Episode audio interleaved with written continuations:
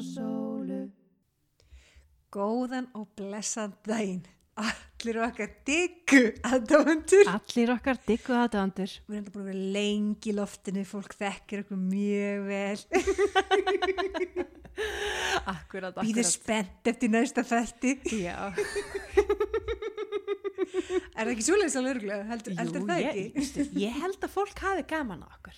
Já. Eða allan þessum hlusta, menn að það hafi ekki gaman þessu, þá sleppa það bara að hlusta, það er alltaf leið. Já, það er líka alltaf það. En hérna, við ákvaðum sko að því að okkur finnst svolítið mikið press að vera með gesti hverju viku. Þannig að við ákvaðum að hérna á milli svona gesta, svona stundum við og við, þá ætlum við bara að spjallum eitthvað málefni sem er okkur hugleikið, sem okkur langar að spjallum og, og bara einhvern veginn sjá hvernig það þróast. Eitthvað sem við annarkvæmt höldum að við höfum skoðun á eða við vitum eitthvað aðeins um. Já. Eða við höldum að við. Já.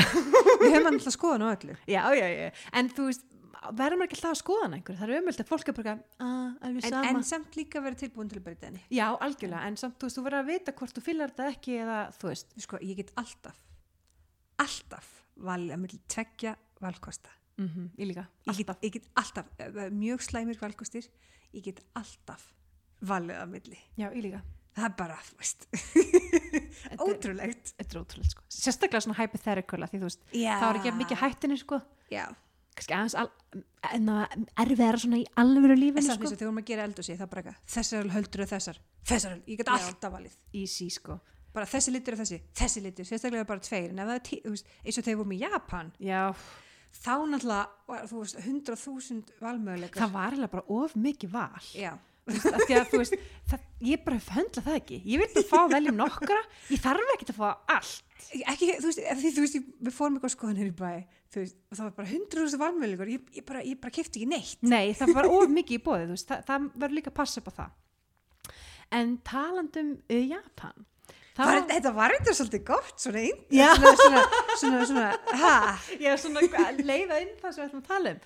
En við uh, ætlum, ætlum að tala um skiptinam, já, af því að við erum hérna vanar, skipt, vanir skiptinemar algjörlega. og okkur langaði bara svona að ræða það eins. Líka því við náttúrulega höfum farið skiptinam tvísvarsinum. Já, til Japan uh, 2013 til 2014 og svo til Kóru 2016. Þannig að þetta er bara, já, það eru ekki margir sem er búin að fara alveg tvö ár í lífinu í skiptinum, sko. Þannig að þetta er Til svona, Asju. já, til Asju. Þannig að það er kannski bara áhörð fyrir sem að hlusta það. En ef við kannski tala um svona, eh, af hverju við fórum í skiptinum og hvernig þetta þróaðist, sko. Það er náttúrulega, það er náttúrulega sko við um eldri sýstur sem er nörd. Já, algjör. Hún er doktor í stjarneðlisfræði, ef ekki að láta það setjast. doktor í stjarneðlisfræði. Ég skildi ekki eins og titilin rauðkjörn hennar. Nei, nei, það var svo flókið. Og við erum svona verkfræðingar.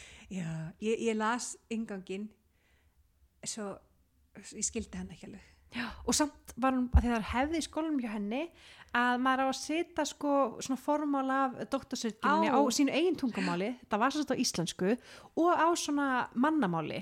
En samt skildi ég það eiginlega ekki. og þú veist, við kunnum alveg smá eðlisfræði og eitthvað svona dæmi, en þetta var, þetta var svolítið flókið.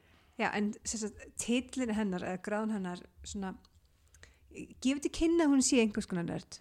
Já. Skulum, að við get- þú veist, ef við setjum fólk í bóks, mm Mhm. þá, þá hljómar það smá þannig. En árið er 2010. Já. og við klárum hérna BS í umhverfis og byggingaverkfræði og eins og margir vita þá gerðist hrunið bara svolítið stuttu fyrir það 2008. Já, það var bara voða lítið að gera í svona vinnum og svona, þú veist, það var bara mjög En, erfitt en að fá vinnu náttúrulega við náttúrulega byrja því að þú veist að bachelor í verkfræði er það erfiðasta sem hefum gert. þetta var ekkert grín sko, líka sko við vissum ekkert hvað við vildum gera og við vorum ekki tilbúin að fara strax í mastera því að maður þarf nú aðeins svona bríðir eftir BS í verkfræði Já, sérstaklega maður heldur að það sé jafn erfitt á bachelorinn sko. Já, sem var sem ekki ekki. að því að það var öðruvísi, maður fekk að velja meira í masternum, þannig að bara þeir sem er í, í hérna, bachelor í uh, verkfræði ekki missa móðin, masterinn er allt öðruvísi. Það sem eiginlega bjargaði mér í það að ég heyrði þetta ekkert tíman í vísu þegar ég var í verkfræðinni ég bara spurði svona hvað fórst þú í master, var það svipað á bachelorin? Þá sagði einmitt na, konan sem svaraði Nei, guðminn góður, það er allt öðru sig, ég hef aldrei meika annan bachelor, það gaf mér smá kraft til þess að fara í master. Já, þannig ef einhver hérna er í bachelor í, mast, í, hérna, í verkfræði þá er masterinn bara svona meira en svona eitt þriði af því eða eitthvað. Í það er bara allt öðru líka er kannski orðin vanur álæginu, það var rosalega mikið álæg að skila fullt á heimadæmum og svo þarf maður að vera með svona rosalega mikið grunni í starffræði og svona, þetta var alveg svolítið, þetta var miklu meira en að segja það að fara úr mentaskóla, samt voru við að búin að velja alla starffræði sem við gátum í MH og fara í verkfræðina. Það var alveg svolítið stór steitt að baki. Þetta er bara drama hérna. Já, við erum bara að reyfja upp frá hluti sem bara, þetta var alveg, sko, fyrsta önnin bara lærið og lærið og lærið. En allavega, eftir BSI verkfræði, Það voru bara ég bara get ekki farið í master strax, ég, ég veit ekki hvað master ég vil fara og uh, þú veist, þetta- þetta er of mikið, þetta og svo líka var ekki að fá vinnu þannig að við bara hei. En þá kemur Ása, við, okkar. þá komum við að henni. Já, hún er svo sagt, hún er vinkunennar. Þær eru báðar bara svona, svona nördavinir sem er mjög skemmtilegt, það er mjög gaman að vera nörda því að það er svo gaman að hafa mikinn áhuga á einhverju og það er þessi, eins og ég skilgur nörd, það er bara ef þú hefur ofur áhuga á einhverju, Ó, það ekki, það er mjög skemmtilegt. En allan þær voru að byrja að horfa á Japan sjómasefni og og hérna Ása bara, þið verða að horfa, þú veist hérna eitthvað, hérna, við bara eitthvað, já, já, ok Ása, ertu alveg búin að missa hérna, eitthvað japanst sjómasefni. Við heldum hún var alveg búin að missa það, sko. Að við vissum ekkert hvað það var, við heldum að það væri bara, eitthvað líka svona að dæmi. þess að Candid Camera hvað heitir þetta fali myndavel, þetta er alltaf svo crazy já, hérna, það er alltaf svo crazy. að Japan. hefur svona maður hafði svona smá þannig ímynd bara, ertu bara að horfa Já. svoleiðis Já, við vorum með smá já, já, Þess er svo gott að gefa hlutum séns. En svo var hún alltaf að tala um hana eina, eina hljómsveit sem svona stráka hljómsveit sem heitir Arashi eða Stormur Það þýðir að stormur á íslensku fyrir þá sem Já. veita það.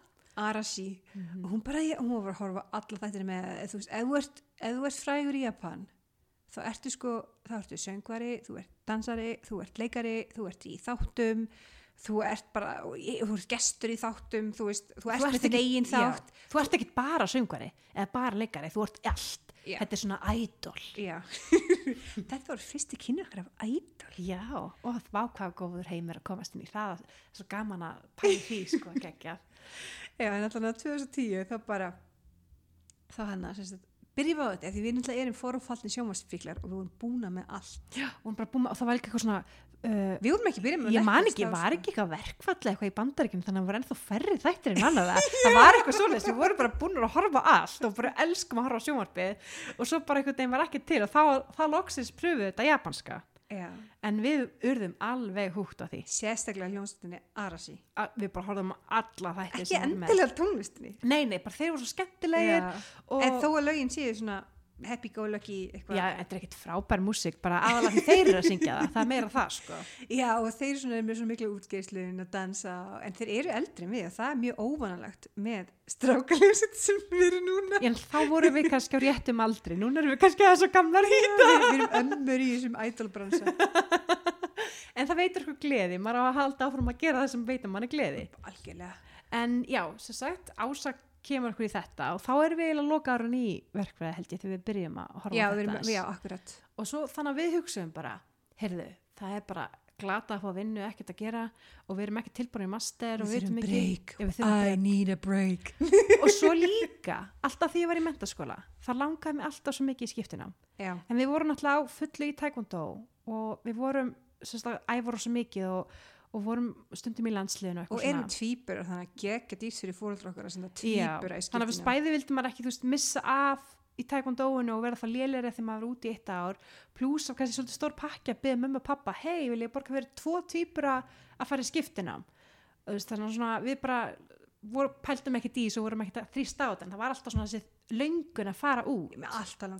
Þannig að við hugsaum bara, já, heyrðu förum bara í japansku og þá getum við farið í skiptina Já, þannig að þú veist, það var eiginlega svolítið þannig bara. Og við, og við höfum svo mikið áhuga á þessari hljómsveit Arsi, þess vegna fórum við í japansku Ástæðan akkur ég fór var bara, ég vildi horfa á þætti án þess að býða eftir einhvern texta sko.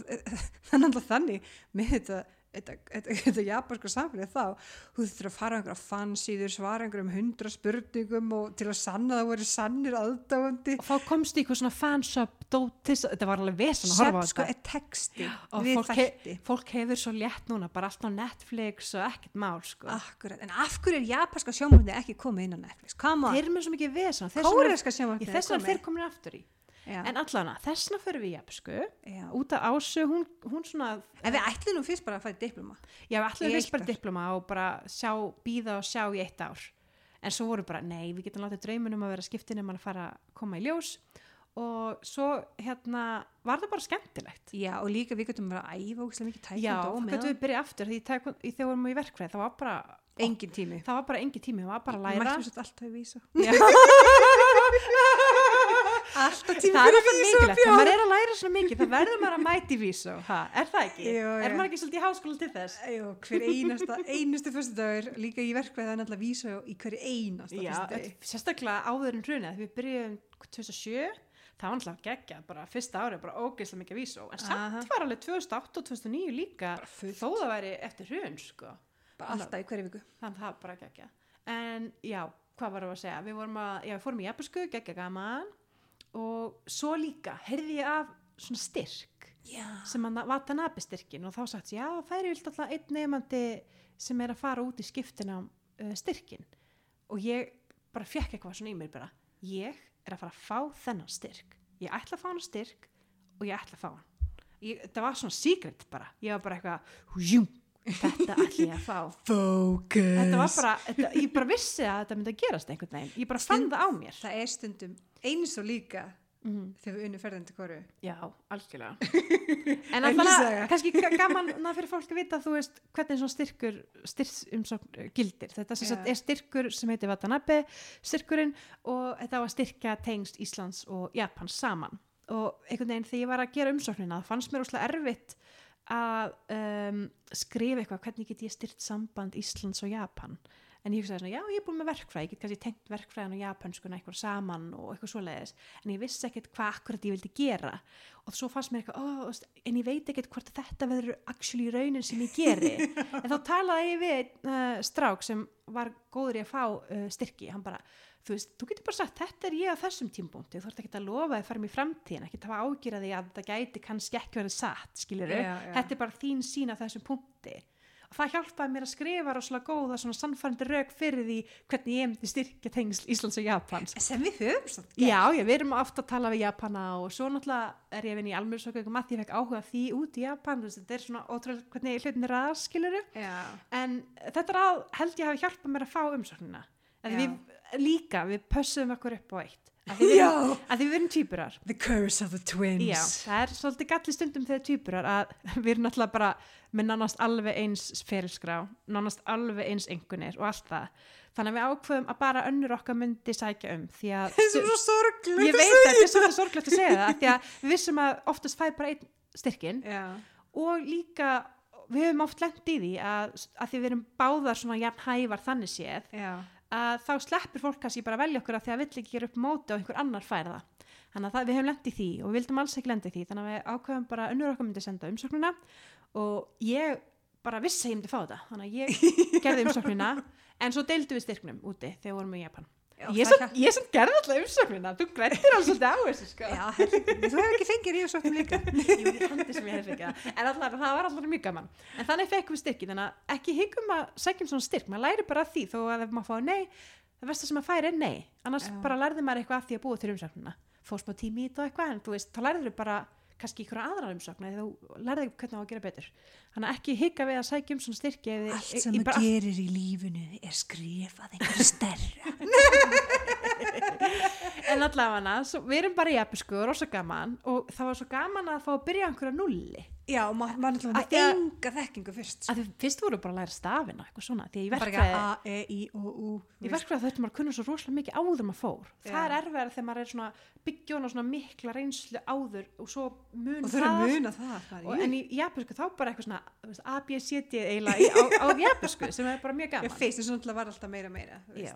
Og náttúrulega svo kynnti sér bara mjög skemmtileg fólki í japansku og Mhm. Sigga var svona skiptinema, var með svona skiptinema buddy. Arisa Já, já, Harisa og Nishi. Já. Ha, mjög það var sko þegar við vorum í japansku Já, þá, þá ákvæði ég að sækjum að vera með svona buddy. þannig að ef þú ert háskólinni og vilt kynast útlíkum þá mæl ég með að fá þér svona buddy en það var svolítið sniðu þegar við hittum hana þegar við fórum til En Japans þá líka voru miklu færri erlendir nefnir það voru Íslandi. bara miklu færri sko. núna er bara ógeðslega mikið skiptinum sem er bara frábært en þá voru miklu færri, við erum að tala um að þetta var 2011 eða eitthvað Já. svo leiðis þannig að hérna, það var bara allt annur stemning, það var bara miklu færri skiptinumar það var fyrir, þú veist, túrista Já, þetta, sko. var, já, var rétt fyrir það. Því Já. að ég fylgði einhvern leir þannig einhver tíma annan 2011, 10, Ég- 10, já, eitthvað 2010. svo leiðis og Já. svo bara springur allt, þannig að það var fyrir þessa miklu sprengingu Mm. þannig að þau fengur örugglega svolítið öðru upplifin heldur en sem En komu við erum alveg ennþá sam, í sambandi við Já, já, við erum bara Facebook-vinkonur og, og þegar við vorum í kóruð þá komum það bara heimsökjökur og bara gegn skemmtilegt. sko. Sko, en það er enda ferðast eins og Japanin ferðast, það er bara hver einasta mínum á hlönið. Já, algjörlega. En við förum hana út uh, haustið 2013. Það Vá. eru sjö, á- herðu, það var akkurat í dag. Ég sá það á Facebook. Er það? Oh my God. sjö ár síðan, þá þú veist, Já, það er mynda okkur á. Já, og svo er það status eitthvað svona, vorum við lenda í Danmarku, förum til Japan, eitthvað, þú veist, setna. Vá, en fyndi, ég veist það ekki, akkurat. Haustið er svona uppskera, er svona, það gerist mikið á haustin. Já, eins og við erum að byrja með þetta podcast. Akkurat, við erum það meir, sko. Já, það er, haustið er tími megina. Já. Þá þarf maður að fara að byrja hérna að gera Byrja einhverju nýju og Eitthvað svona. eins, eins og núna. Við erum Já. að gera svolítið meginlegt. Þetta er alveg út fyrir þægindaramann, alveg. Já. Samt ekki þetta, en að fá gæst það ótrúlega mikið.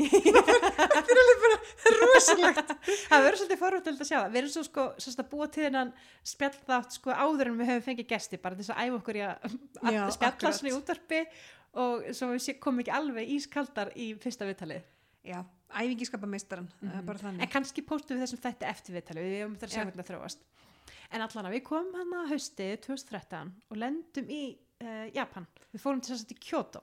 Og þá komast við strax að því að japanskan okkar var betra en enska allra.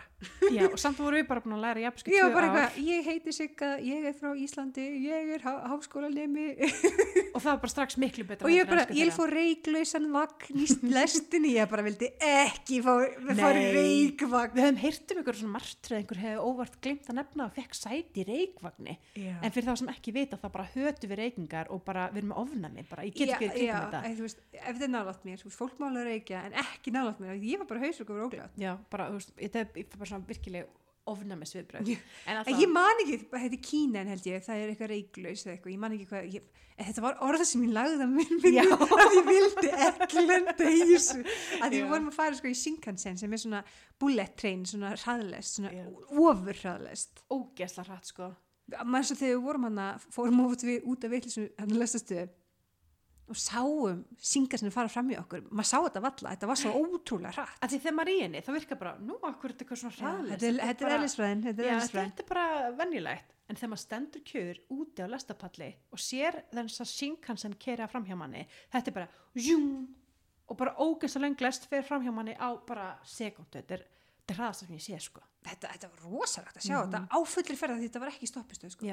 Að því maður hefur alveg séð Shinkansen koma og stoppa en þá náttúrulega hún byrjar að stoppa fyrr já þetta var svona, við vorum ekki að taka hraðlistina, þetta var bara eitthvað svona middle of bara. nowhere sem Já, fórum óvart þannig að hún var bara á full force uh, hraða þegar hún það var samt eitthvað svolítið skemmtilegt núna að hafa séð það. Já, þegar maður algjörlega. pælið, ég er bara ekki, "Ah, þú veist, af því að, að þetta, var svona, þetta var svona einhverju sveit, þannig að vanalega, sko, japanska þannig að það er híragan og katagan og það er stafir og svo eru tákn en og, og, og vanalega ef við, ef við getum séð að híragan eða katagan, þess að bara letrið þá, þá veitum við hvað hva staðir þetta er eitthvað en þarna var bara kanji sem sagt tákn og við vissum ekkert hver við værum eða Nei. í hvar áttin að fara því það var ekki þú veist, við kunnum ekki öll táknin en Nei. við kunnum veist, orð og að lesa stafina En sem betur fyrir voru sko, við erum það gamlar, að snjallsímati voru bara svolítið nýbyrjar þarna.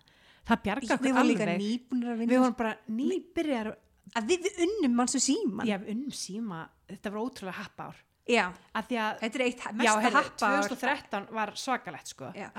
Við fáum sko Watanabe styrkin mm.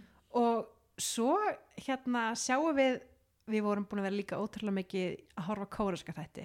Love bara it. Asia kallar á okkur. Bara do it now á Netflix það er svo mikið bóðið sko. Ég mæli, þú veist minna, við erum búin að plata marga vinkonur okkar í þetta og Við- er þær meira hútt en við sko. Já, við erum búin að plata margar í, í Something þetta. In the rain til dæmis fólk er fordómsvill, eins og við vorum fyrst með þetta japaska. Maður þarf bara að gefa sér séns sko. Mhm. og líka maður þarf að horfa nokkra þætti og svo kikkar þetta inn sko. Þetta er geggjað. Ég mæli með Something in the Rain fyrir það sem hafa áhuga það er bara svo mennilegt, bara svona mjög vel gert og áhugaverð saga. Mhm. það er bara geggjað sko. á Netflix Já, en allan við horfðum að fullta kóristót og svo var svona keppni.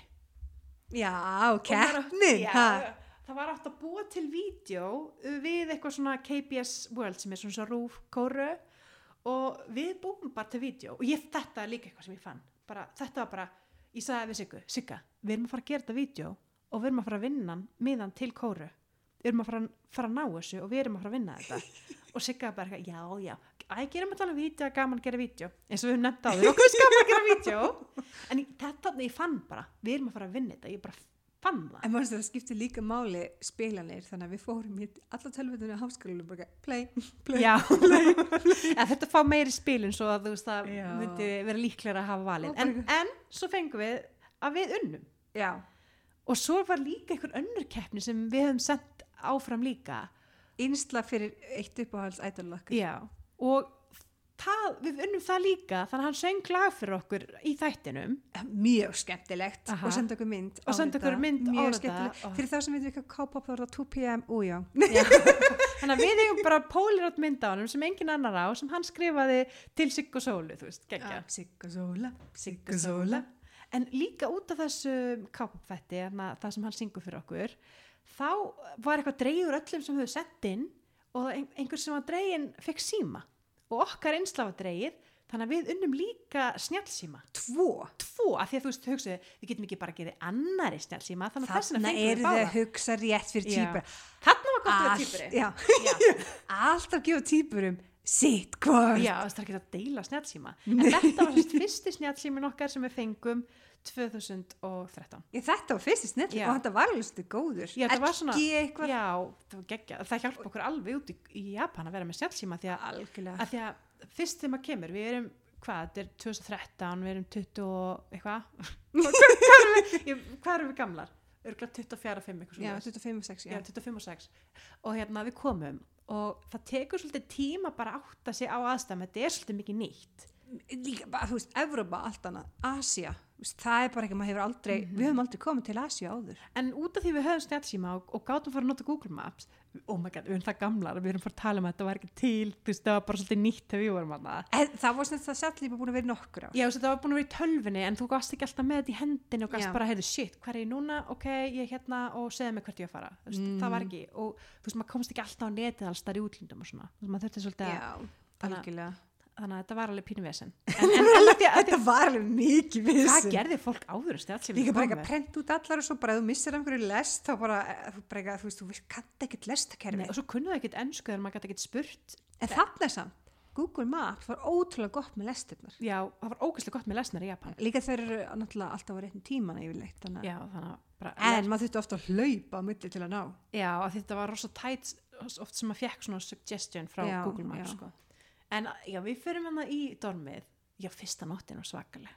Við bara sáum ekkert og, og, og svolítið lengja tímajafna það er svolítið erfitt að fara í sátt sko. já, ég voru að gleyma því. Já, en það tókur nokkur dag Já, maður svona nei, við, við hérna erum búin að ferða svona í þrjátjaka tíma. Já, svo komum við á dormið og þurfum að hafa kvöldmatt með öllum hínum sem voru að koma saman dag. Já, alveg þannig við maður reyna að neyða okkur í að vaka og við vorum alltaf þreyttar og eitthvað. En það sem finna er að, að þú veist, við vorum eitthvað hvað, 13 eða eitthvað sem borðum mm og þeim sem við kynntust mest í, á, í já, í, í, þeir voru að koma sama dag og við af því það voru fjóri dagar sem fólk voru að koma já, já, vá, það er fyndið þú veist, Seiti og Sisi og, og hérna Lora og, já, við kynntist þeim mest já. en svo náttúrulega fólk kannski trúir ekki en við erum úslega feimnar þannig að það er svolítið Mhm. erfitt svona einhvern veginn að kynnast fólki strax sko. en hérna við lærðum kannski svolítið í Japan líka að vera minna feimnar já, að þú veist, það, það gerist ekkert að vera feimin þú þarft svolítið svona að fara út fyrir þægindraman og, og bara spyrja fólk, hei, hvað segir þú? Og það var mjög erfitt fyrir okkur. en það var líka samt mjög gaman líka að búa á svona heimavist. Já, og líka við veldum þennan skólar í heimavist sem svo ódýr. Já, hún kostaði 16.000 á mánuði. að meðan fólk í tók, við vorum sérst fórum í Kyoto, Já. það er hérna svona gamla höfuborgin og það er mjög svona hefbunni hús, svona flott svona og mjög mörg hóf Já, geggjað þannig ótrúlega margar bara UNESCO sites, UNESCO staðir bara í Kyoto. já, fullt á heimsminnaskrifa Já, maður segir ekki Kyoto eins og margir íslendingar segja. Kyoto, það er Kyoto. Kyoto Þannig að svona ussulun e er lesið svo jóð ef þið er að lesa jafnbursk orð.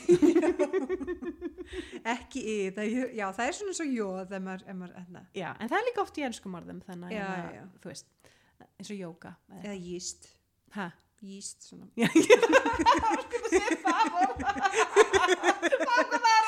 En þetta getur bara verið svona jíst eins og það maður að baka með. Ég veit það. þú varst að hugsa eitthvað annað. En hérna, hvað fannst þér skemmtilegast þegar verið í skiptinámi? fyrir mig, það var að kynast allir fólkinu. Já, heyrðu, fólk sem er frá skiptinám, jújú, jú, það skiptir máli hvort að læra, en það er allt hitt sem maður græði miklu meira Sko- á bara sem maður læra um sjálfan sig. Við náttúrulega lærum ógislega mikið japan sko því við vorum úti. Við lærðum náttúrulega miklu meira sko við lærum alveg málfræði sem hjálpar manni alltaf þá er auðveldra fyrir mann að segja hlutina. Mm og þá skilur maður þegar maður heyrir það. Já, já. en það sem, það sem hjálpa okkur að læra japanska því við eigum vini sem tala ekki ensku sko. Mm það var bara því að engi kunni, ensku og við þurftum bara að nota hana. Já, þess vegna er svolítið gott að fara að læra tungumál því oft í öðru löndum þá bara fólk, æ, þú kannt ekki tungumál, ég skipti bara strax fyrir ensku. Já. En þarna var það ekki tækt, þú varst bara að plumma þig. Já. og bara nema við skiptinum og það til að ensku Já, náttúrulega, og líka, já, kannski þeir sem hafa ekkert farið skiptinam, á, skiptinam áður, maður er svolítið mikið með öðrum skiptinamum, sem er samt óslega gaman því þá hittum maður bara ykkur frá Mexiko, Fraklandi, Kanada, Tævan, þú veist, maður er bara að hitta fólk frá öllu löndum og það er ótrúlega skemmtilegt. Já, mjög, og líka því þú veist fólk er ólegt en það er sem, þetta er mjög líkt samt. Já, veist, veginn, það sem maður lærir að hitta fólk frá svona ótrúlega mörgum löndum er að flestir eru góðir og meina vel og hvað við erum svolítið öll lík svona in the end, þó við séum alveg ólík en þú veist, flestir vilja bara að fólki líði vel og fjölskyldin sem gangi vel og þannig. grunngildin er svona svolítið lík Já, bara vera góðu hvort annað þú veist, vera góð, góðu fjölskyldin eina, hugsa vel um fjölskyldin eina þú veist, svona. Að því þú veist, fólk sem kannski þekki bara sitt heimaland, skiluru, maður þarf svolítið að fara út fyrir kassan til þess að sjá bara, hinnir er ekkert svona öðruvísi, það er ekki skipt í svona mörg hólf. Við erum bara öll hérna á móður í örð. en náttúrulega við samt komandi frá Íslandi Já. það var náttúrulega en mesta svona kvennfrelsið eða þú veist, Já, við erum alltaf með mesta jafnbrettið af sem voru aðna. já og við vorum náttúrulega bara, feministi var náttúrulega bara, bara svona eins og blótsirði. Við kendum nú nokkur um að feminismi væri það var það ekki. Að viltu ekki fá jafn laun fyrir sem unni jú, ég minn það þannig að við náðum að leiða þetta í minn ímsan en miskilning. líka það sko náttúrulega því að, því að Japan náttúrulega svolítið neðalega á þessum lista. Mm. þannig að þessum er Með jafnbretti já, En, þú veist, og ef maður fyrir að stelpur fara einhver skemmtist þá er það bara eins og stimplaðir sem dræsur eða svona þú veist, Já, það var svolítið sko... eiginlega bara eins og bara selja sig eða eitthvað, þú veist, vilja bara stunda bara einna með þetta gaman með öllum og þú veist, í staðin, í staðin fyrir bara eins og hérna í Evrópu þá, ef þú fara að skemmtist það þá viltu bara skemmta þér Mhm. Þannig að við plötum nokkra stelpur sem Já, voru frá Asju, sem voru kannski með þessa fordóma. og þau, þær hefðu aldrei farið ef við hefum ekki spilt þeim svona. Við sögum bara, heim stelpur, ekkit vera þetta bull, sko, við erum með svartabelt í taekwondo, þær voru bara 10 kíló, er segi svo- það ekki, en þær voru 40 ótrúlega, þær voru örglega svona 40 kíló, náttúrulega bara svona asíska litla stelpur, en það þá þorða að koma á skemmtist það því ég og Sigga voru með, við náttúrulega sögum bara, við erum með svartabelt í taekwondo. Og svo erum við og þá þeim gekk fannst- þetta vel. ógeðslega gaman. Þeim fannst það svo frelsand að geta farið og, vera ekkert að pæli einhverju að sé því við, við vorum svona smá lífverðir. Og svo líka, svo eru Japan svolítið lágvaksnir, við Já. vorum veist, það var þetta fyrsta síðan í Japan að við fórum á tónleika sem við sáum yfir alla. Já, við erum sko tónleika. 1.65 já, það er rosalegt að sjá yfir alla þegar þú ert 1.65 sko. Algjörlega en þú veist, ég mæli saman með þessu fyrir fólk. Maður læri svo ótrúlega mikið að standa á einn fótum. En það sem hann að, ég veit ekki hvort maður megi segja þetta en það sem hann japansku kennan okkur hérna í HÍ sagði okkur að því hún hefði verið í Japan aður hérna, byggði bara um fyrirgefningu. Já, ekki byggði um leiða því þið myndið að segja nei, gerði það bara og byggði svo um fyrirgefningu og þetta var enda svolítið gátt þarna sérstaklega Japan sko. Já, það er rosa mikið reglum að því það, það, það er svo mikið að fólki að þurfa bara að vera mjög margar reglur Já. sem er svolítið erfitt fyrir Íslandika mjög erfitt fyrir Íslandinga, við brutum nokkrar sko. Já, og við erum samt bara mjög góða stelpur svona Já. að Ég- það verður að vera góð og gild ástæða fyrir reglunni svo ég fylginni ekki bara af því bara. Nei, nei, nei, nei, en þetta var alveg, alveg geggjar tími og ég mælu svo mikið með þessu fyrir fólk. Þannig að Já. ef þið eru bara með eitthvað svona smá lengun í að fara í skiptina á alveg sama hvað eru gömulega eitthvað bara, veist, gerið það, maður græður svo mikið af þessu. Eins og til dæmis, við laðum svo mikið um sjálf okkur að því að veist, við erum alltaf verið mjög feimnar sem fólk bara trúir ekki. Við bara, okkur fannst erfitt að fara inn í búð og tala. En hérna og svo hérna sýstur hans pappa, Já. þær eru bara mjög hressar og skemmtilegar. Já, já. og við heldum bara við værum svona miðlungshressara því að alla sýstur hans pappa eru bara þú veist eitthvað, alltaf grípa fram í, samt ekki grípa fram í heldur bara taka orðið og taka orðið Já, og gefa já. það og svona. Þannig að við heldum að við varum svona meðalhressar. Já, við heldum það. Bara, og sko við vorum 25 við heldum að við varum og meðalhressar hún er með verkfræði og já, við bara vaka verkfræðingar eru ekkert Af Djók, því við ég held að dissa við vorum Já, en já. eiginlega allir í og við verkefni vorum svona, við svona aðeins að- svona hressari en flest Já, en við áttum líka mjög hressa vinkonu þegar hún yngri eins og unnu bara rosa hress og svona. hress.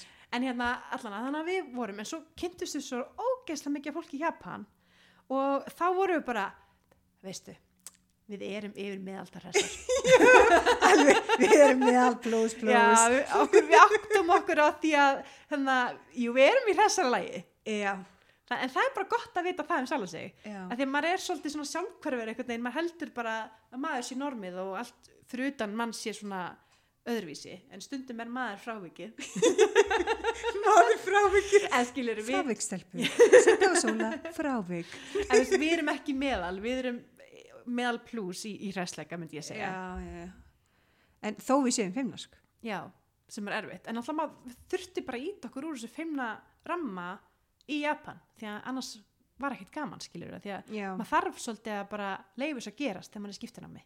Segja á við tækifærum og, sérstaklega við ferðum sem við búið í. það er ótrúlega hvað fólk bara að því við vorum einhvern veginn opna fyrir tækifærum þá bauðst okkur alls konar að fara í alls konar ferðir Heyrðu, eða út að borða með fólki eða eitthvað. mannstu þið fórum á crossfit-dæfinguna já það nú. Við fórum sko, við vorum í Kyoto og svo hérna vorum við búin að frétta að það veri crossfit-stuð í Osaka. Já, Og klukkutíma frá Kyoto. Crossfit var ekki vinsalt þá í, það voru nokk, það var alveg nokkru alveg mm, 90 miljonir sem búið en já við fórum hana og og, og, og, og eigandinn hann bara dyrkaði hann bara, bara við fórum bara í pröfutíma skilur og hann Já. bara hafði aldrei séð þú veist stelpur lifta svona þungu og gera upphauðingar og eitthvað. Bara vá bara geggja og hann bara ég verði að bjóða okkur í mat.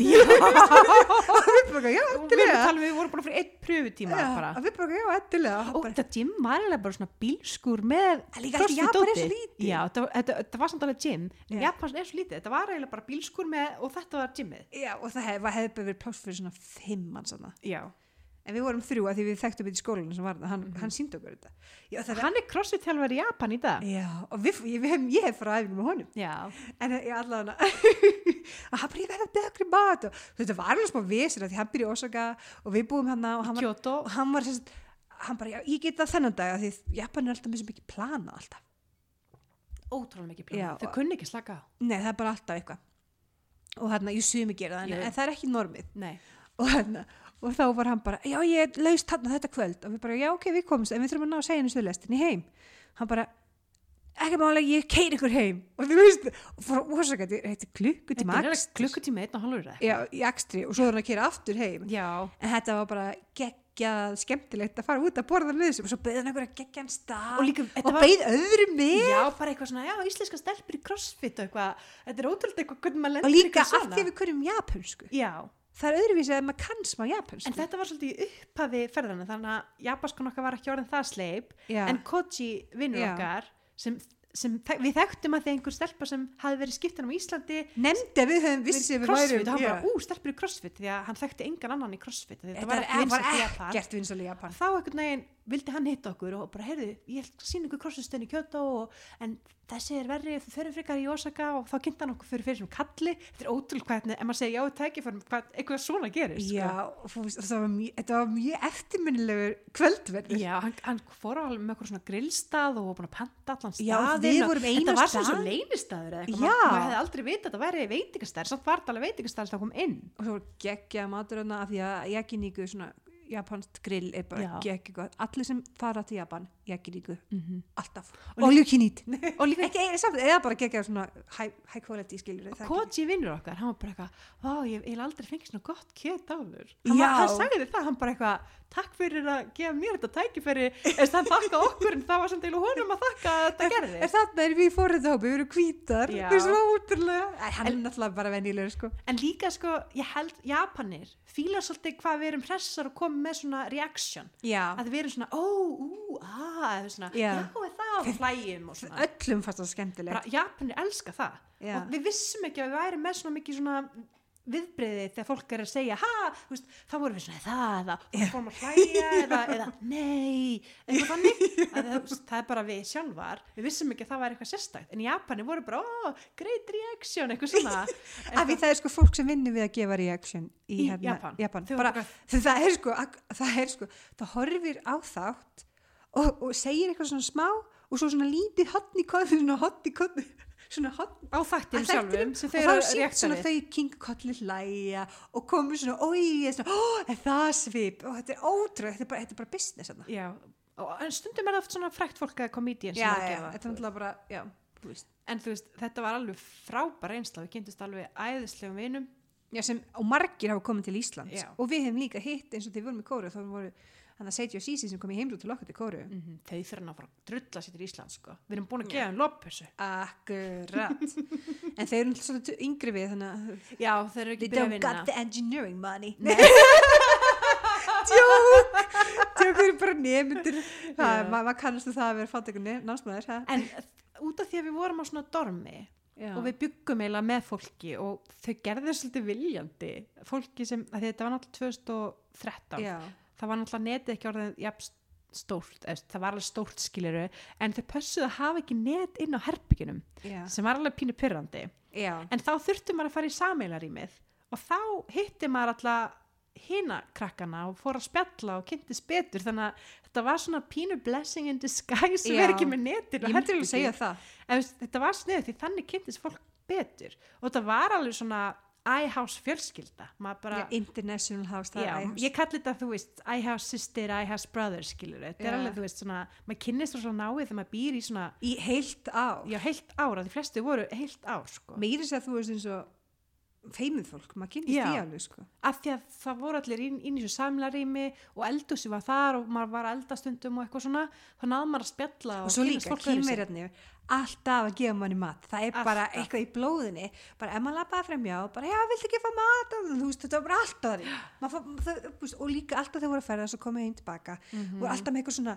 eitthvað svona ómjæki sem svona minnisvarði matur fyrir fólk og var minjaklippur. alltaf að gefa manni eitthvað svona þú veist, þú voru alltaf að gefa manni eitthvað. Mhm, þannig líka japanir. Ég vil lærði meila í kona, bæði, já, en það kynverjar eru rosalega gjafmildir og gefa Já. með sér og gefa rosalega mikið mat. Þetta er alveg ótrúlegt sko, því að þú veist, Íslandingar eru svolítið mikið svona bara já, ég er bara bara minn mat og þú ert bara þinn mat og flott, en Kína er svona borðum saman, veist, já, það já. er bara sem er dónalegt að mjög bjóða ekki öðrum slæmt í COVID og SARS og svona. Kannski þess vegna dreifðist þetta svo mikið, ég veit það ekki. En það er svona mjög gaman og svona félagslegt að, að þú veist, það er bara eitthvað, eitthvað matur sem eldast fyrir framann því og svo borður þau öll saman. Mhm. Þú veist, það er mjög, mjög flott koncept og þetta er ekki á mörgum stöðum í Evrópu. Alls ekki. Þú veist það bara hver með sinn disk og svona nei þú veist, þetta er svona, er svona öðruvísi, fílingur en svo líka sko var útrúlega gaman í karaoke í Japan. ah, sko það náttúrulega var einn helst ástæðan okkur við vildum fara. Það var þetta karaoke fyrir þá sem ekki vita þá erum við sko karaoke queens. Já, en hérna, fyrsta ferðin okkur í Kariki við hérna, bara, já, við fyrir Kariki og þá var einn kóri sem elskaði Kariki, hún vissum við góða stað hún bara eitthvað, já, ég skal panta, við bara, hei, frábært. Svo staðan okkur, herði, ég pantaði fimm tíma, við bara fimm tíma, það er ógeðslega og mikið. líka sko við byrjum klukkan 11 um kvöldið eða eitthvað. Nei, nei, nei, þetta var um daginn. Já þetta, Já, var, já. Við, við fórum í daginn þarna fyrst. Ah, þetta- og við bara eitthvað fimm tímar hvernig, þú veist, að því við vorum bara sex sem vorum að fara eitthvað. já, og við bara eitthvað, vá, hvað það, hvað það er mikið Ótrúlega. ok, við fyrir það bara fyrir ef það er, þú veist, ef það er stemningin í búin. Þetta er svona, þetta er svona það te og kaffi Og og, ís. ís, Já. sem er geggjað. Það er er enda mjölku verið ekki gott fyrir röddina nei. Nei, nei, en, já, en svo bara fimm tímar leið eins og aldrei sko tíu myndi, við vorum í þessu flæði. Já, við vorum bara í algjöru kargi þetta var geggja sko. Þetta var, þetta var bara geggja skemmtilegt. Við, og líka við vissum ekkert hvað við vildum syngja þú veist, vorum ekki komin inn okkar lög allir sem er í kari, gott að eiga svona tvö lög sem þið virkilega vilja syngja þá þurfum við ekki að vera eigið til tímanum að leita Já. eitið bara, heyrðu, þetta er lag ég það er mjög gott að eiga sitt lag algjörlega, líka því að það er ógustlega erfitt að syngja karaoke í fyrsta sinn eitthvað lag sem þú aldrei sungið á þau en við erum heyrt ógustlega þú kannt ekkert alla partana. Nei, það er alltaf eitthvað svona pínu tvík sér og það sem þú manst ekki eftir þú ert að bara syngja því karaoke. En það er nú bara alltaf lægi meiri sem þó þú kannt lagið þá er alltaf einhver parta sem þú kannt ekki. Alltaf, alltaf, alltaf. En þetta er bara, bara mæli með alla að fara í skiptina. Þetta Bara- er bara, maður læri, læri svo mikið um sjálfa sig og Já. um aðra og, og ég mæli alltaf, ef þú hefur tökuð því að fara eitt ára því að fyrsta önnin þá bara eitthvað þú veist, þá voru bara að læra lestakerfi við, við fó- fórum alltaf svona smá svo aðeins lengra, svo aðeins lengra út fyrir og svo, og svo þú veist maður er rauninni önnina. bara ætt, átt að sjá hlutunum fyrstunina já, maður er bara svona þóra að fara hans út fyrir ramman þannig að þú veist, einu en er alveg frábært að fólk getur það en við mælum alltaf með að fara eitt ár því þú veist, það hægt. miklu meira úr því að að það þarf þennan tíma bara þess að átta sig á aðstæðum og, og þóra svolítið að að fara í djúbulegina meira. Sérstaklega ef þú er ekki ferðast þú veist, við höfum Algjörlega. samt ferðast við höfum alveg ferðast slatt ekki til Asíu samt. Nei, jú, Jú, við höfum höfum höfum til Kóreu, Kóru og. Kína sko. Já, já, jú, og líka Dubai og eitthvað, jú, jú, jú, höfum að jú, jú, og, jú, ekki til Japans. Já, ekki til Japans. Þú veist, þannig að en þarna þurftum að bara treysta sjálfan sig og síman samt snjátt er en kannski var það aðeins auðveldra að þið vorum tvær saman Ég- en samt, já, ég- En ég hugsa samt að við höfum alveg getað þó við höfum bara verið einn. já, já, al algjörlega því að ég ferðast einu í Japan í þrjár vikur og það var ekkert mál. Ei, þá kunni ég smá japansku það munar ótrúlega. Af því að líka þeim þegar maður kann japanskuna, þá lendir maður einhverjum alls konar ævintýrum sem bara, maður bara, af því að fólk er svo ánætt að maður kunni japansku og fyrir að segja manni alls konar hluti og eitthvað. Þetta Já. er alveg ótrúlegt. mjög skemmtilegt, líka bara, þú veist, bara wow, kannt að segja takk á japansku, þú ert svo góð í japansku bara, bara þetta Mhm. þú veist, Japan er kunni mikið að metta Mhm. bara að þú segir bara, góðan daginn takk, þú veist bara þessi litlu hlutir, þannig ég, Mhm. ég alltaf þegar ég ferðist, þá reyna ég alltaf að læra takk og, og já og nei og, og, og eitthvað svona Já, fólk kann að með það. Og líka, mér finnst persónulega líka rosa gaman þegar fólk reynir að segja íslensku, íslensk, ykkur íslensk orð. Mér finnst bara gaman að heyra hreiminn og að séu að reyna. já, ég bara elska það. Þannig að mér finnst það geggja en hérna það sem mér lærði líka að því að í lokin þegar vorum að kveðja alla það var svo erfitt, við ætlaði allir verið það voru bara allir grátandi hágrátandi það voru bara allir bara, þú veist ég bara fyrir að tárast þér, hugst um þetta. Það var svo erfitt að kveðja alla. En svo veit maður bara að þú veist, ég bara fann þess, eftir að hafa farið gegnum þetta það vissi maður bara, ef maður vill hitta fólk aftur þá bara lætur maður að gerast. Já, og það er búið að gerast, við erum búin að hitta marga alveg ótrúlega marga úr skiptinaminu og margi búin að koma heimsökja til, uh, til Íslands. Og þetta er búið svo skemmtilegt að fara í skiptinam þetta er búið að gefa okkur ótrúlega mikið. Þetta er eitt skemmtilegsta ára sem ég hef upplifað, og svo næst skemmtilegast var þegar við fórum í- til Kóru Það var samt líka ógeðslega skemmtilegt ég, ég get ekki valað á milli. Nei, að því að líka sko við fórum sem sagt í master Já, í verkfræði, eftir að hafa komið heim frá Japansku engin peningur í japanskunni sko.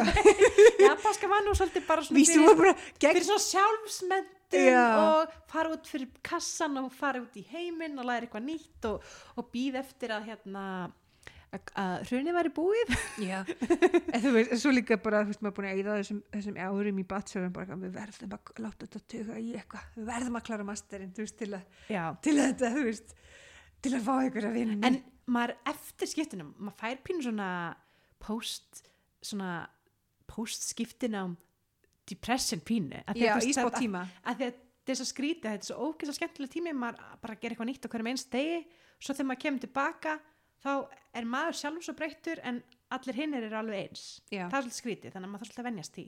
Þannig að eftir það, þá vorum við pínu svona tíndar, við sem ekki alveg hvað við ættum að fara í master og svona. Já, en ég ákveð að fara bara strax í master. Já, en þá einhvern veginn urðum við spenntar þegar við einhverjum ákveðum bara, heyrðu, jú við tökum svo bara eitt ár í skiptinum líka í Þú áskvæmst það ekki þarna, ég ákvað Já, Sigga ákvaða, en svo, svo, svo endaði þannig, það er miklu skemmtilegra en að því við vorum búin að fara í gegnum þessu reynslu í Japan þá þorðum við strax bara að dempa okkur í djúbulegina í kóru að því við vissum Já. bara ekki verið eigi í tími í þess að að ég gera þetta hitt, bara gerði þetta mm Mhm. þetta slagur hjá Nike, just do it þetta á við um svo margt Já. þetta er bara just do it On a deeper level. og, veist, og það var svo ógeðslega gaman í kóru Já, en, en ég samt algjörlega ef að því við kunnum þetta og þá bara eitthvað, já, ég vil fara þarna ok, það er haust, förum núna af því þú veist við verum að sjá haustlifin, við þurfum Mhm. að ná, að því þú veist, það er svo, svo ástíðabundið bundið, þú Mhm. veist og svo líka, við ve- veitum við viljum fara heimsótt til, til Japans, þannig að við fórum heimsótt til Japans Já.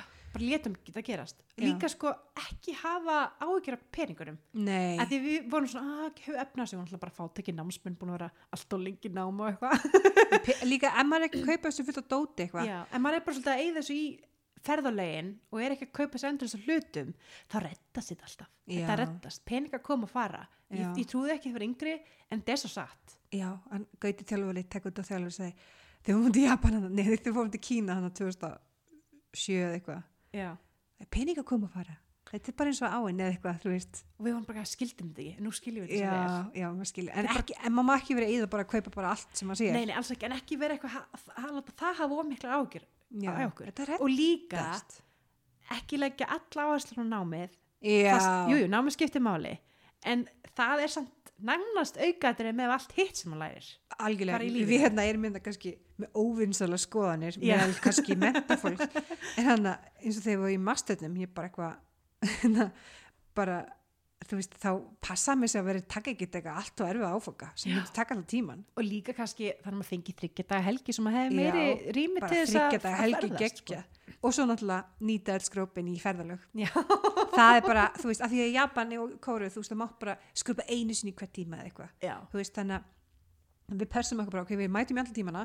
Stóðu séum veikar uh, whatever skiluru, pre-covered Þetta, og hérna og svo bara, þú veist, plönum við einhver ferð Þú veist, og viljum fara eitthvað og þá notum við skrópin einhver í eitthvað skemmtilegt. Mm, algjörlega. Þú veist, ekki bara því hún þreyttar og nefndir mikið að vakna eða eitthvað, þú veist, það bara, að því maður fær bara eitt skrópan mm og líka í Japan, ég bara að segja öllu bara nýttu skrópið eitt ekki bara til að sóta að því þú veist, þunnur eða eitthvað, bara til að ferðast eitthvað.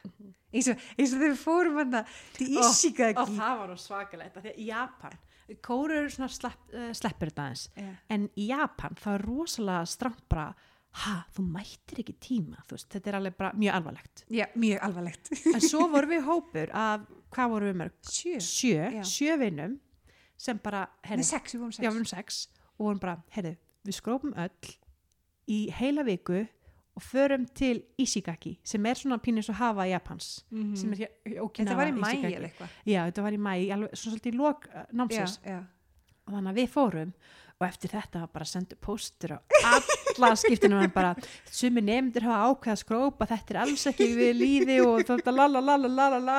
Þannig að við vorum pínur svona bad girls í Japan. Sem er svo en sem, þetta væri svo lítið mál hérna á Íslandi Já. skiljur að því að hver, hver tími var bara einn ein dag þannig að þetta var einu eitt skróp í hverjum tíma. Já, þannig að við fengum bara eitt skróp fyrir annars mættum við alla hérna tímana. Já. Alla hérna tímana give me one week. En þetta var alveg bara æðislega ferð. Ég sé ekki eftir neinu. Þetta er einn besta bara- ferðin sem við, við fórum í. Við kemtust þeim svo vel. Þetta var Já. alveg frábært sko. Þannig að ég sé ekki neitt eftir þessu. Bara, bara good scrubbing sko. Og svo líka hérna annað sem ég kannski lærði þannig úti í skiptina minu er að taka alveg nógu anskotu mikið af myndum að því að skiptina með svo sérst reynsla þú, þú átt aldrei eftir að hitta þetta sama fólk á þessum stað. Og það er svo dýrmætt að eiga mynda augnablikinu með öllum saman. Já. og þú veist, það er allir svo þakkláttir fyrir hvað ég var ókslega duglega að taka myndir bara, ó, þú veist, þetta er eiginlega einu myndir sem ég á að ég bara glemt að taka myndir. Bara að fólk eru eftir, að ekki verið að taka myndir og enjoy the moment, en þetta er líka svolítið að enjoy the moment að taka mynd og eiga minninguna. Já, en það, það sem hjálpa líka var hann að GoPro og, og geta tekið svona hópmynda öllum. Já, það minna svakalega svo náttúrulega er náttúrulega Japan þekkt fyrir svona myndaferðalög maður fer í svona, í svona kimono sem er hefbundi búningur þeirra Mhm. og fer í eitthvað hofa og tekur mynda sér og ég bara hafa aldrei heyrt um ég vissi ekki að það væri þing sko. En núna finnst mér þetta ekki eins og hljóma astalega því þetta er svo Nei. venjulegt eftir að hafa verið í Japan en þegar maður segir íslíkum þetta þá er þau bara eitthvað bara eftir að klæði þig og taka mynd, ok og það varst gaman Já, akkurat. Já, stundum vorum við stoppar og útlendingum í kjóta því við vorum í eitthvað kímono og bara, Já. nú er þetta, er þetta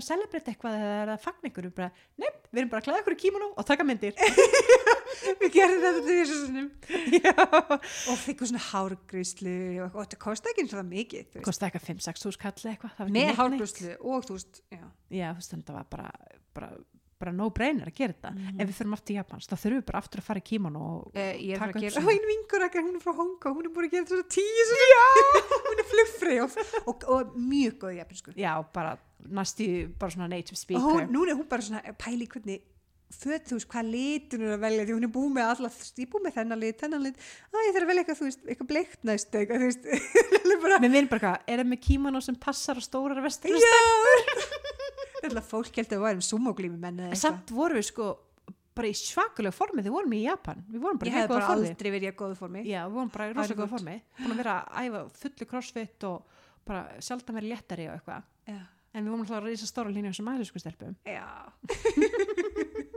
En, við, en þau fundu kímanó sem við pössuðum í. Já, já, já. En það þurfti svona... En það er líka svo bara, neða, það passar ekki. Þetta passar alveg. Nei, þetta passar ekki. Þau ekki bara, nei, þetta passar ekki. Bara, "Mm, pröfum. Svo pröfum við og þá bara passa þetta. Ah, en það sem maður læri, læri mest á svona skiptinami er svolítið að trúa sjálfa sig og, og svolítið svona að njóta augnabliksins að því að maður veit er tímabundið Já. það er svolítið mikilvægt að njóta augnabliksins að að það er svolítið fyndið að þetta leið svo hægt en samt svo rætt. ég veit það Að því maður gerir svo mikið nýtt og bara drrrr og svo var þetta bara búið, Mhm. En þetta er bæði. ég veit það, algjörlega og mér finnst líka ógeðslega stutt síðan það var þó þessi sjö ár Já. mér finnst eiginlega stittra síðan það var heldur en árið sem ég var úti skilur hvað ég við tíma að línan Að tíminn sem ég fannst líða úti frá fyrsta degi tóndi fór Já, já, já. af því að það var svo mikið nýtt, maður alltaf að læra eitthvað nýtt aftur og aftur og svo hérna svo er náttúrulega sjö á liðin og mér finnst það næstu bara sami tími og þetta eina ár. Og síðan þá er ég búin að klára master og fara í hérna í kóru og byrja að vinna. Þannig að þetta- er svolítið skrítið þetta var svo mikið svona reynsla í alls konar Og kaupa íbúð, ekki glemma því. Það er rosalega fullarins. mjög fullorðanslegt ég held, hugsa eftir við gerum það þá fannst litlu frank okkur frenda við svona jú þið eru fullorðan núna Já, var bara eftir að fyrka vinnuna og keftum okkur svona lélan bíl, þá voru það fullan um þrítugt. en fólk heldur oft við sem kannski aðeins yngri en við erum að þið verum svona hressar og hlægjum mikið og þannig Já, einmund, bráða mamali. Já við erum bráðum ammali en við veitum ekki hvernig postum þessu þætti þannig að kannski við erum búin að eiga ammali þegar það postast eða fyrir, kemur allt í En ljós við erum meir þannig. En já, við getum alveg talað enda þessu skiptina. Þetta er allan okkar saga í Japan. Ég, en ég segi alltaf bara eitthvað, passa velja tíma, þannig að fóða þryggjita helgi svo getur ferðast, Mhm. nota öll skrópin ef það er eitthvað svona takmarkað Mm -hmm. og ekki velja aðra tím áfaka. Segðu já við tækifærum Mm og taktu nóga myndum, hópmyndum. Já, veist, ekki taka mynd bara af, veist, útsýninu, af því að það er svolítið svona, jújú, jú, það er óslöku upplifun, en upplifun, mest upplifun var að kynast öllu fólkinu og öllum sögunum og menningunni. Það en, var svolítið en mesta. við tölum ekkert mikið um sko kóru, en að þar var svona öðruvísi heimavist, þar var bara svona herbyggi og ekkert sammeilegt eldús, þú gæst ekki elda neitt. Já, það minnir svona fjölskyldufílingur. Já, maður kynntist, maður kynntist fólkinu sko, Já. en maður þurfti að hafa meira fyrir því, það gerðist ekki svona, svona náttúrulega og líka Og ekki að- svona, svona þétt, einhvern veginn. Já, þetta er bara svona vinir, ekki svona fjölskylda. Já. og, en, en það líka sko því að að því þú veist líka matun alltaf tengir svo mikið fólk Já, maður var alltaf að borða saman. þó maður kannski borða sikur á matinu eitthvað þá, eða má elda stundum saman og Mhm. bara elda saman, búa til osta saman búa til eitthvað dömpling saman þú veist, eitthvað svona maturinn var að tengja fólk saman Mhm. á heimavistlinu Ó, það var líka eitt sem mér, grunaði ekki. Mér grunaði ekki að ég myndi sakna íslensk matar. Já. Ég var svo, að því þú veist einhvern veginn, þegar maður er í Evrópu, það er alltaf að fá eitthvað svipað sem er á Íslandi. Já, já, En í. Asju, við byggum líka svolítið svona, Svolítið sveit. Já, pínu sveit, þetta var ekki nálat miðbæna, það var alveg svona hálftíma hjólatúr að fara í svona, svona þægilega búð sem Já. var að fá flest, sko. Þannig að við þurftum rosa mikið að borða bara japanskt og það er ótrúlega hvað ég saknaði íslenskan mat matar bara brauð og bara, og mér grunnaði ekki að ost. myndi gera það en að því maður he- hefur séð í bíamöndunum og þá maður bara svona að ég tengi, Já. ég tengi við þetta. En það var held ég bara ostur og brauð fyrir mig. En það sem maður kannski erfiðast líka þegar við erum skiptinafni er að vera um jólin. Já, að því að í Japan þá er engin jól. Það ekkert djúrlegt það var tími 24. desember. Það var skóli. Já, við bara við skrópuðum í hans Já. ég bara, ég fer ekki í skólan Nei, bara, við gerum það ekki, það var svolítið erfitt. Þá voru svolítið nokkur sem fóru að gráta þá. En þess vegna, þegar við fórum til kóru þá pössu, þá allan að fór ég þannig að ég fór sko frá janúar og kom heim fyrir jólin þannig endaði döluna í desember var og þannig ég, ég misti ekki af jólunum. Ég var í jólunum en þá passaði við bara að þú veist, herri, já, það er aðfaka dag þú veist, við fórum bara svona að gera fínt hlaðbor saman Já. þú veist, við pössaðum að gera eitthvað þannig að var eitthvað. léttara í setskipti en líka því ég vissi þetta er erfitt sko. Já, þú veist, það er alveg, þú veist, ein og þá, þú veist, í Japan þá var ég með þér en Já. í Kóru þá var ég ein þú Já. veist þó um, líka þetta skiptin um okkur í Kóru sem að flóka því ég er fyrst einan, svo erum við saman einan og svo er þú einan þú veist þannig að þetta er svona við vorum einun saman og ein, ein sikkvort sko, að, endi. veist, við þekkjum mismyndi fólk. En við erum búin að fá mikið af heimsóknum. Ótrúlega mikið heimsóknum, það er svo gaman að fá og við gestina. erum búin að heimsókja aðra. Já, og núna ég bara vinn í hverju höfn þannig Já. að það er alltaf gaman. Reynda við getum það ekki núna út á COVID. Já, en minna þetta líður hjá. Og þá getum við farið að hitta alla vinn okkar. Við erum búin að heim. fá veist, þegar við fluttum í íbúin þá bara nú, nú, einhver í herbygjun okkar auka herbygjunum bara hverju mánu Já, bara alltaf með gesti og allir gaman að fara þú stuð. Suðurlandu svona þú veist, 15 sinnum. Af nokkrum árum skilur Þannig að seinast eitthvað kom og við höfum bara helgina þá letum við þá fara að seinast sjálfa gullarhingina það en við fórum þá snæfilsnes með þeim. Já, já, þú já. veist, svo þetta væri svona Svo pínu við myndum fara eitthvað lík, Já. nýtt líka við erum búin að fara sáltið oft Suðurlandu en hérna, já, við segjum bara allir að skella sér í skiptuna Já, ef þið- ef ef þið þið langar, ef þú finnur ykkur bara pínu þörf Já. bara gerðu það. Ég mæli með því ég, ég þekki engar sem hefur séð eftir þessu. Nema alltaf kannski hefur gerst slís en það hefur það er eitthvað smá leðilegt ef þú lendir í COVID. Þá Já. er alltaf, þannig færði ekki upplifa já, ég finn svolítið til með fólkinu sem já, er í þú veist, þetta, er- e- eitthvað svona potentially svona sem gæti verið besta geðið skemmtilegt dagur í lífiðinu Já. og svo bara mingar það svo mikið út að þú mátt ekki hitta neitt, verður að passa Já. þú veist þess að tvekja mötur reglu og getur ekki ferðast út um allt eins og þið langar að gera.